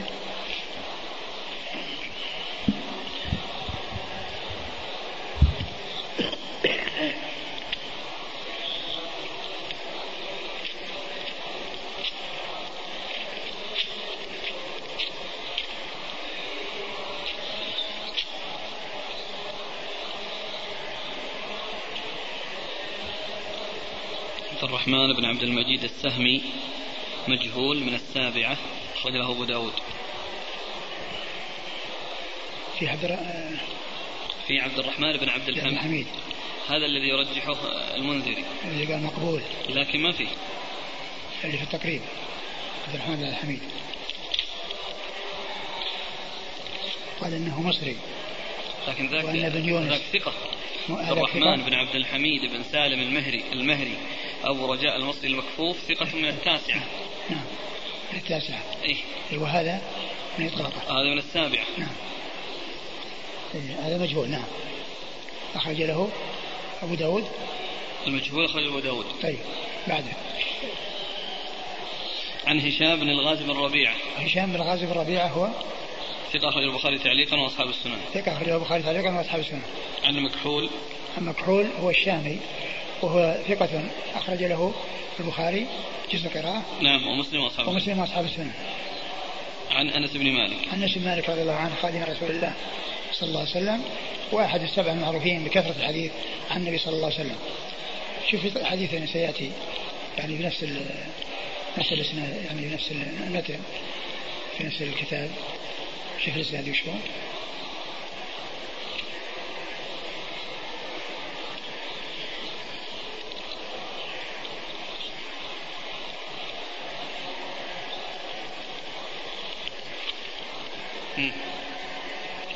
قال حدثنا عمرو بن عثمان قال حدثنا بقية عن مسلم يعني بن زياد قال سمعت أنس بن مالك رضي الله عنه يقول قال رسول الله صلى الله عليه وآله وسلم من قال حين يصبح اللهم إني أصبحت أشهدك وأشهد حملة عرشك وملائكتك وجميع خلقك أنك أنت الله لا إله إلا أنت وحدك لا شريك لك وأن محمدا عبدك ورسولك إلا غفر له ما أصاب في يومه ذلك من ذنب.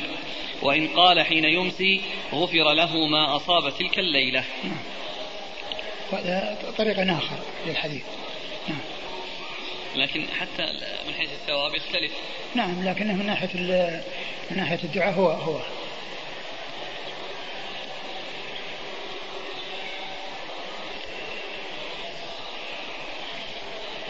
قال حدثنا أحمد بن يونس قال حدثنا زهير قال حدثنا الوليد بن ثعلبة الطائي عن ابن بريدة عن أبيه رضي الله عنه عن النبي صلى الله عليه وعلى آله وسلم أنه قال من قال حين يصبح أو حين يمسي اللهم أنت ربي لا إله إلا أنت خلقتني وأنا عبدك وأنا على عهدك ووعدك ما استطعت.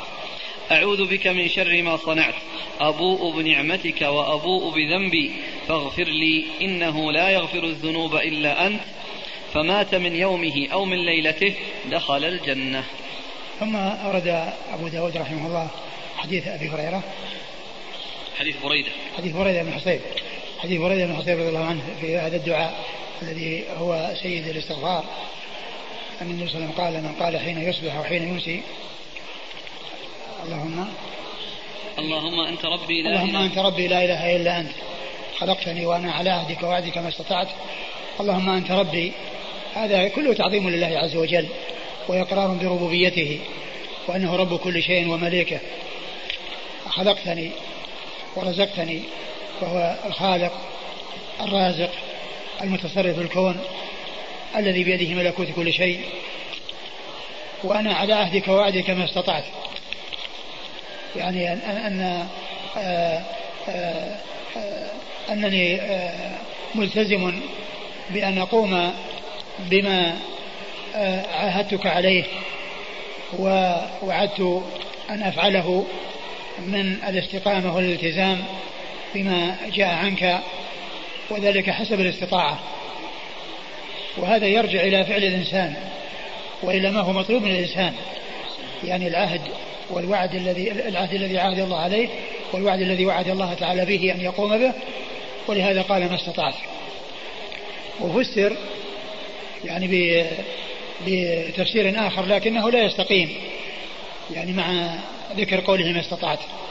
من ذكر هنا في هذا أو في أو في عون المعبود. قال إن في الآخرة أو يعني في يعني شيء يتعلق بالله عز وجل.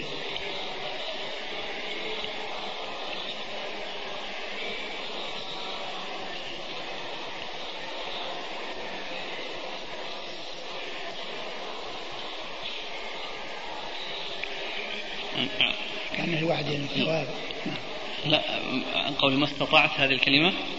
لا يعني الوعد يعني الوعد المقصود إيش؟ أنا مقيم على الوفاء بعهد الميثاق. وأنا موقن بوعدك يوم الحشر والتلاق. لا بس هذا ما يستقيم مع قوله ما استطعت. ما استطعت أي بقدر طاقتي. نعم لأنه يعني المقصود أنه يعني شيء يأتي به ويلتزم به على قدر استطاعته. عقيدة مستطاعة نعم. اعتقاد البعث والنشور والحشر مستطاع.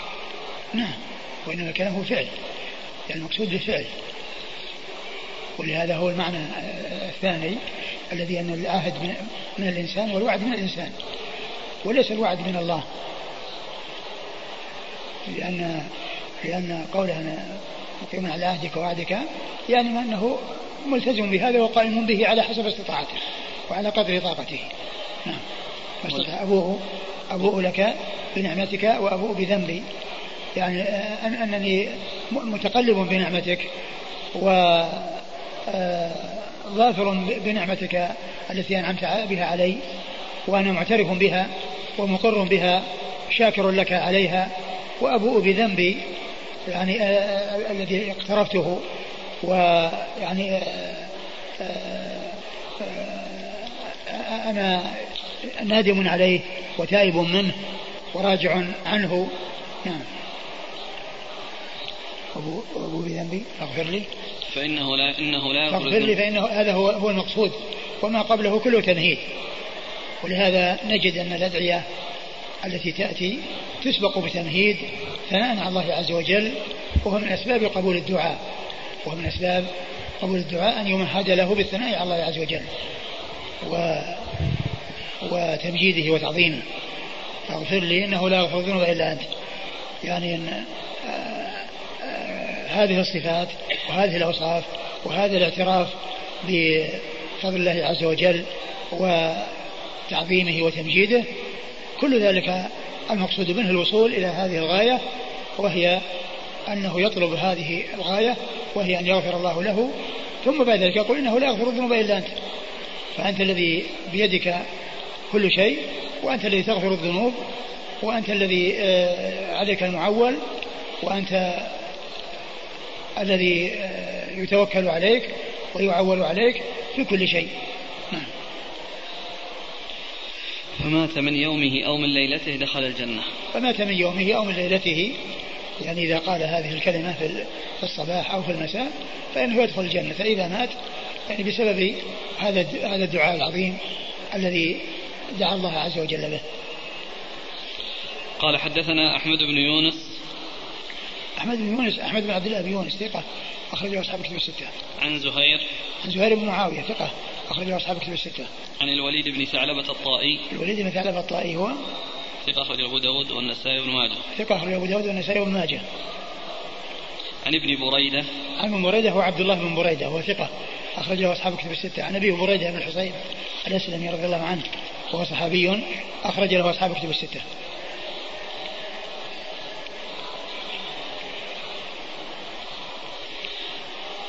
قال حدثنا وهب بن بقية عن خالد قال حاء وحدثنا محمد بن قدامة بن أعين قال حدثنا جرير عن الحسن بن عبيد الله عن إبراهيم بن سويد عن عبد الرحمن بن يزيد عن عبد الله رضي الله عنه أن النبي صلى الله عليه وعلى آله وسلم كان يقول إذا أمسى أمسينا وأمسى الملك لله لا إله إلا الله وحده لا شريك له. زاد في حديث جرير وأما زبيد كان يقول كان إبراهيم بن, إبراهيم بن سويد يقول لا إله إلا الله وحده لا شريك له. له الملك وله الحمد وهو على كل شيء قدير. ربي أسألك خير ما في هذه الليلة وخير ما بعدها. وأعوذ بك من شر ما في هذه الليلة وشر ما بعدها. ربي أعوذ بك من الكسل ومن سوء الكبر أو الكفر.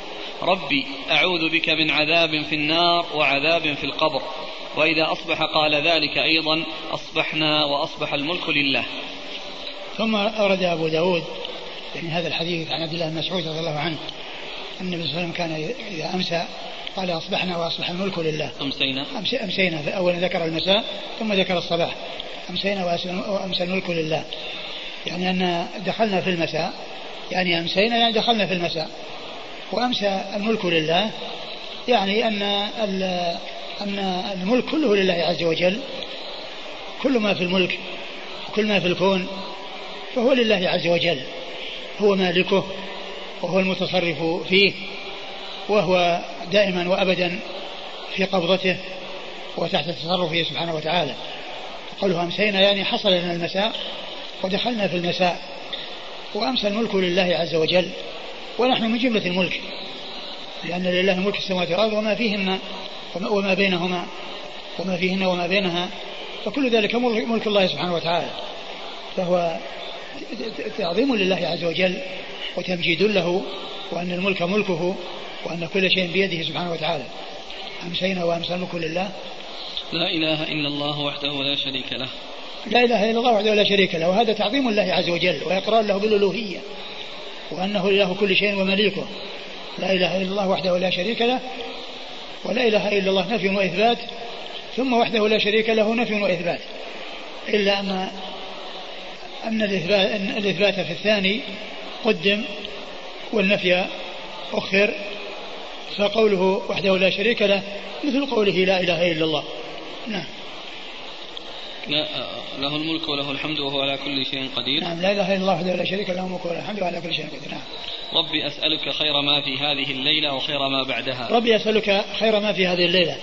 يعني كل ما فيها من خير أسألك إياه في هذه الليلة وما بعدها. وأعوذ بك من شر هذه الليلة وما بعدها. نعم. ربي أعوذ بك من الكسل ومن سوء الكبر أو ربي أعوذ بك من الكسل الذي هو الخمول والفتور والكسل في الطاعة الذي يحصل عنه الكسل في الطاعة وعدم القيام بها كما ينبغي وسوء الكبر الذي هو الهرم الذي هو الهرم يعني بحيث يعني يكون إنسان كبيرا يرد إلى أرض العمر. أو الكفر يعني شك من الراوي. نعم. ربي أعوذ بك من عذاب في النار وعذاب في القبر. ربي أعوذ بك من عذاب في النار وعذاب في القبر. يستعيذ بالله عز وجل من عذاب القبر ومن عذاب النار من عذاب البرزخ ومن عذاب النار ومعلوم من عذاب البرزخ ومن هو من النار ومن عذاب النار. إلا أن يعني ما يكون في بعد البرزخ أشد كما قال الله عز وجل عن آل فرعون النار يعرضون عليها غدوا وعشيا ويوم تقوم الساعة أدخلوا آل فرعون أشد العذاب ويوم تقوم الساعة أدخلوا آل فرعون أشد يوم تقوم الساعة يعني البعث والنشور لأنهم في البرزخ معذبون بعذاب النار وعندما يحصل بعث النشور ينتقلون إلى عذاب النار الذي هو أشد من هذا الذي حصلوه في قبورهم من عذاب النار والعياذ بالله. وإذا أصبح قال مثل ذلك وهو من أدعية الصباح والمساء. قال حدثنا وهب بن بقية. وهب بن بقية الواسطي ثقة أخرج حديثه مسلم وأبو داود. والنسائي؟ نعم. نعم. عن خالد. عن خالد وهو بن عبد الله الواسطي الطحان وهو ثقة أخرج له أصحاب كتب الستة. قال حاء وحدثنا محمد بن قدامة بن أعين. قال حاء وهو تحول من إسناد إلى إسناد. محمد بن قدامة بن أعين هو ثقة أخرج أبو داود النسائي بن ماجه. ثقة أخرج أبو داود النسائي بن ماجه. عن جرير. عن جرير بن عبد الحميد الضبي الكوفي ثقة أخرجه أصحاب كتب الستة. عن الحسن بن عبيد الله. عن الحسن بن عبيد الله وهو ثقة أخرجه مسلم وأصحاب السنن. ثقة أخرجه مسلم وأصحاب السنن. عن إبراهيم بن سويد. عن إبراهيم بن سويد وهو ثقة أخرج له مسلم وأصحاب السنن. مسلم وأصحاب السنن. عن عبد الرحمن بن يزيد. عبد الرحمن بن يزيد النخعي وهو ثقة أخرجه أصحاب كتب الستة. عن عبد الله. عن عبد الله بن مسعود رضي الله تعالى عنه الصحابي الجليل وحديثه أخرجه أصحاب كتب الستة. قال زاد في حديث جرير وأما زبيد فكان يقول كان إبراهيم بن قال في, في حديث جرير وأما زبيد هو زبيد اليامي وهو ثقة أخرجه أصحاب الكتب الستة. قال أبو داود رواه شعبة عن سلمة بن أصحاب الكتب الستة إلا الترمذي أو إلا زبيد بن الحارث. أيوه. ابن عبد الكريم. أيوه. لا ثقة أصحاب ثقة نعم نعم ذاك نعم لا ثقة نعم. أصحاب الكتب الستة قال أبو داود رواه شعبة عن سلمة بن كهيل عن إبراهيم بن سويد قال من سوء الكبر ولم يذكر سوء الكفر. نعم يعني طريقة أخرى. شعبة بن الحجاج الواسطي ثقة أخرجه أصحاب كتب الستة عن سلمة بن كهيل. سلمة بن كهيل ثقة أخرجه أصحاب كتب الستة عن إبراهيم بن سويد. عن إبراهيم بن سويد وقد مر ذكره ولم يذكر سوء الكفر. ولا نعم. نعم. قال حدثنا حفص بن عمر قال حدثنا شعبة عن أبي عقيل عن سابق بن ناجية عن أبي سلام أنه كان في مسجد حمص فمر به رجل فقالوا هذا خدم النبي صلى الله عليه وآله وسلم. فقام إليه فقال حدثني بحديث سمعته من رسول الله صلى الله عليه وآله وسلم لم يتداوله بينك وبينه الرجال. قال سمعت رسول الله صلى الله عليه وآله وسلم يقول من قال إذا أصبح وإذا أمسى رضينا بالله ربا وبالإسلام دينا وبمحمد رسولا إلا كان حقا على الله أن يرضيه. ثم ورد أبو داود حديث رجل من أصحاب النبي صلى الله عليه وسلم أنه قال من قال حين يمسي, يمسي وحين يصبح رضينا بالله ربا وبالإسلام دينا ومحمد رسولا إلا كان حقا على الله أن يرضيه. وهذا له يعني هذا مشتمل على ثلاثة أمور. الرضا بالله ربوبيته وبدين الإسلام وبنبوة محمد عليه الصلاة والسلام. وهذه الأمور الثلاثة هي التي يسأل عنها في القبر. لأن القبر الإنسان في القبر يسأل عن ربه ودينه ونبيه. يسأل عن ربه ودينه ونبيه. وقد جاء هذا الدعاء في أدعية الصباح والمساء كما هنا وجاء أيضا عند آه، وجاء أيضا في آه، عند الأذان وجاء أيضا يعني مطلق كما في صحيح مسلم عن حديث العباس رضيت بالله ربا وبالإسلام دينا رضيت بالله ربا وبالإسلام دينا ومحمد صلى الله عليه وسلم نبيا ورسولا. وكما قلت هذه الأمور الثلاثة التي جاءت في هذا هي التي يسأل عنها في القبر وهي التي بنى عليها الشيخ الإمام محمد بن الوهاب رحمه الله كتابه الأصول الثلاثة. لأن الأصول الثلاثة هي هذه الأمور الثلاثة. وهي معرفة العبد ربه ودينه ونبيه. معرفة العبد ربه ودينه ونبيه. فإنه كتاب وجيز مفيد لا يستغني عنه. عامي ولا طالب علم. يصلح لطلبة العلم ويصلح للعوام. لأنه فيه توضيح هذه الأمور التي هي محل السؤال في القبر.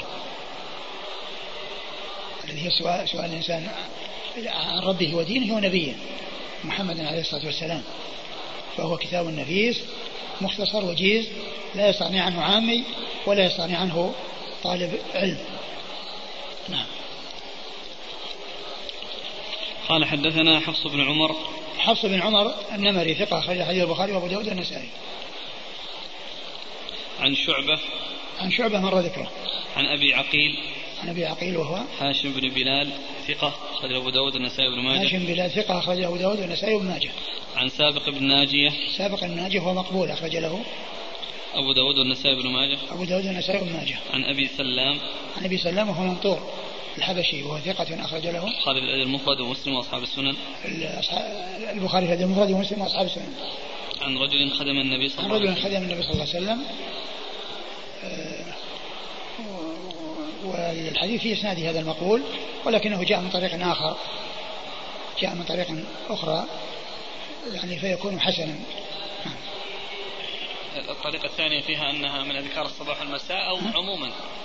الطريقة الثانية فيها نص أنها من أذكار الصباح والمساء أو أنها عموما من قال هذا الذكر أرضاه الله. عموما ليس في تحديد في وقت معين. والله ما أذكر لكن آه، آه، ما أذكر الآن لكن كان في بالي أنه أنه يعني شاهد له.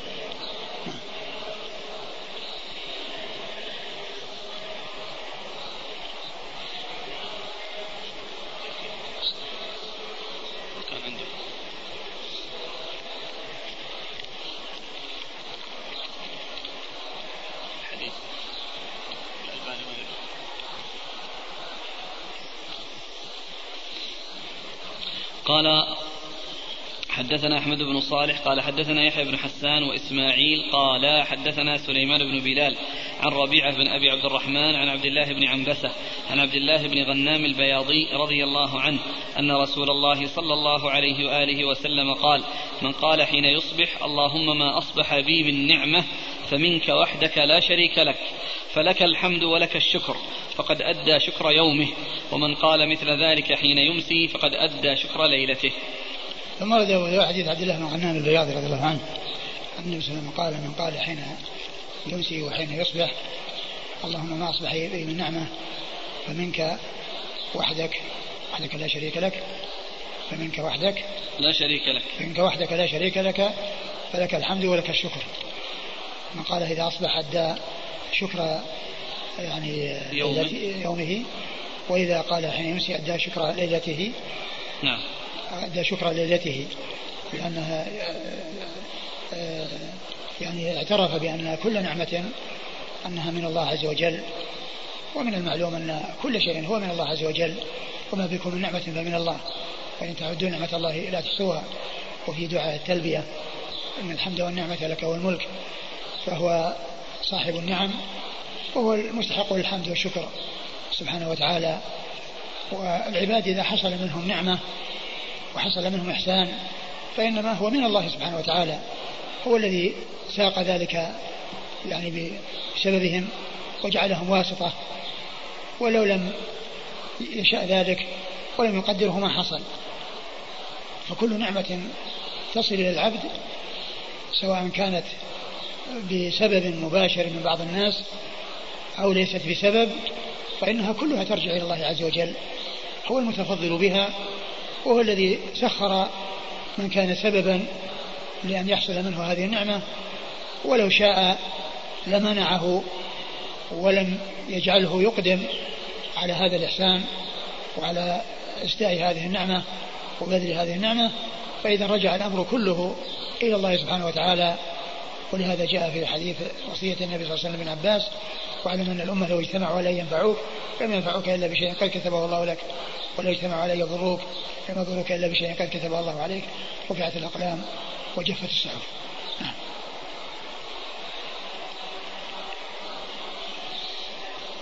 قال حدثنا أحمد بن صالح.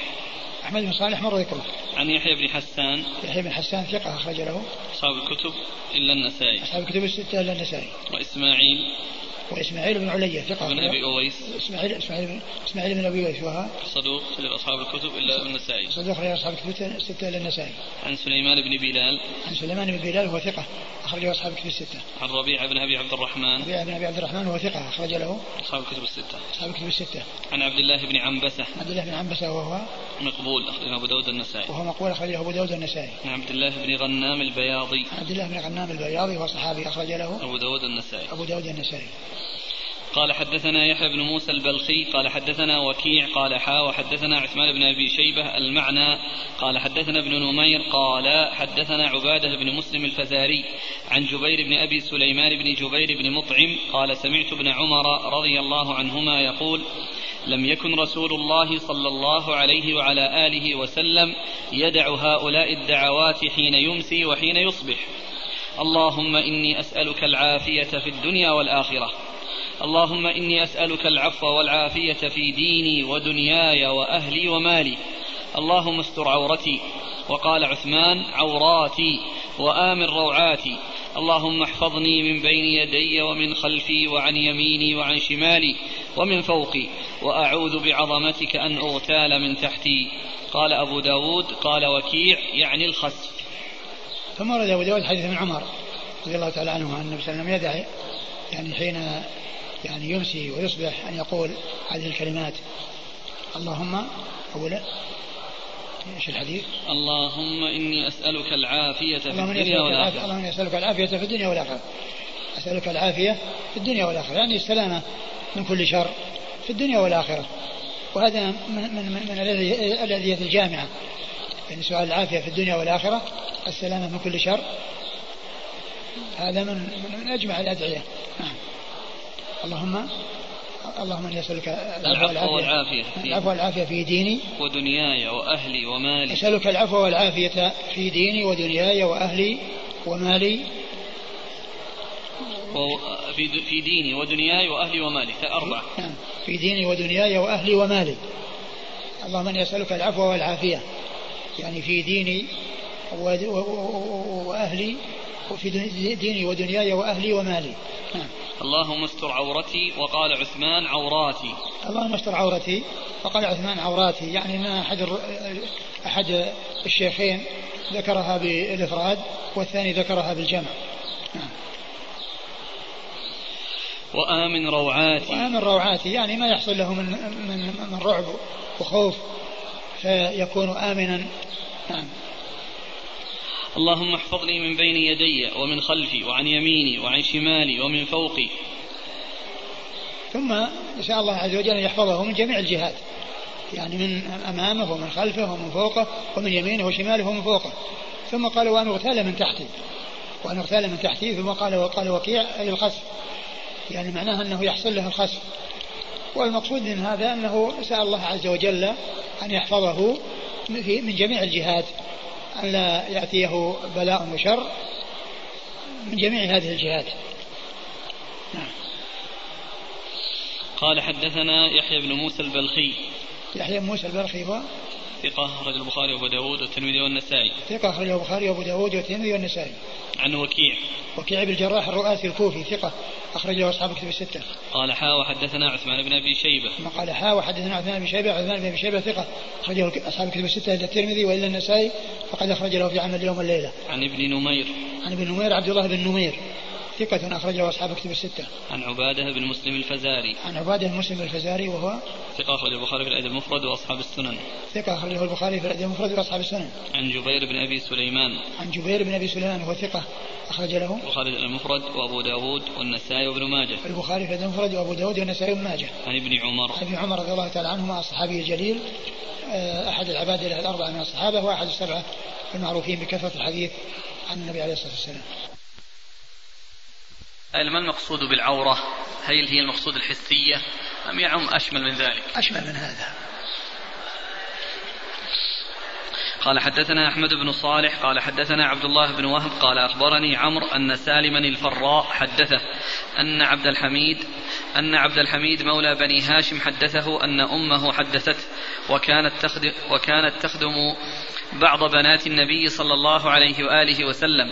أن ابنة النبي صلى الله عليه وآله وسلم حدثتها أن النبي صلى الله عليه وعلى آله وسلم كان يعلمها فيقول قولي حين تصبحين سبحان الله وبحمده لا قوة إلا بالله ما شاء الله كان وما لم يشأ لم يكن. أعلم أن الله على كل شيء قدير وأن الله قد أحاط بكل شيء علما. فإنه من قالهن حين يصبح حفظ حتى يمسي ومن قالهن حين يمسي حفظ حتى يصبح. ثم ورد أبو داود حديث إحدى بنات النبي صلى الله عليه وسلم ورضي الله تعالى عنها أن أنها قالت علمني الرسول صلى الله عليه وسلم يعني هذه الدعوات شوله قولي حين تصبحين سبحان الله وبحمده لا قوة إلا بالله. قولي حين تصبحين سبحان الله وبحمده لا قوة إلا بالله ما شاء الله كان وما لم يشاء لم يكن. سبحان الله وبحمده جمع بين التنزيه والتعظيم. تنزيه الله عز وجل عما لا يليق به وإضافة ما لا وإضافة ما يليق به. فالأول تنزيه والثاني ثناء وتعظيم.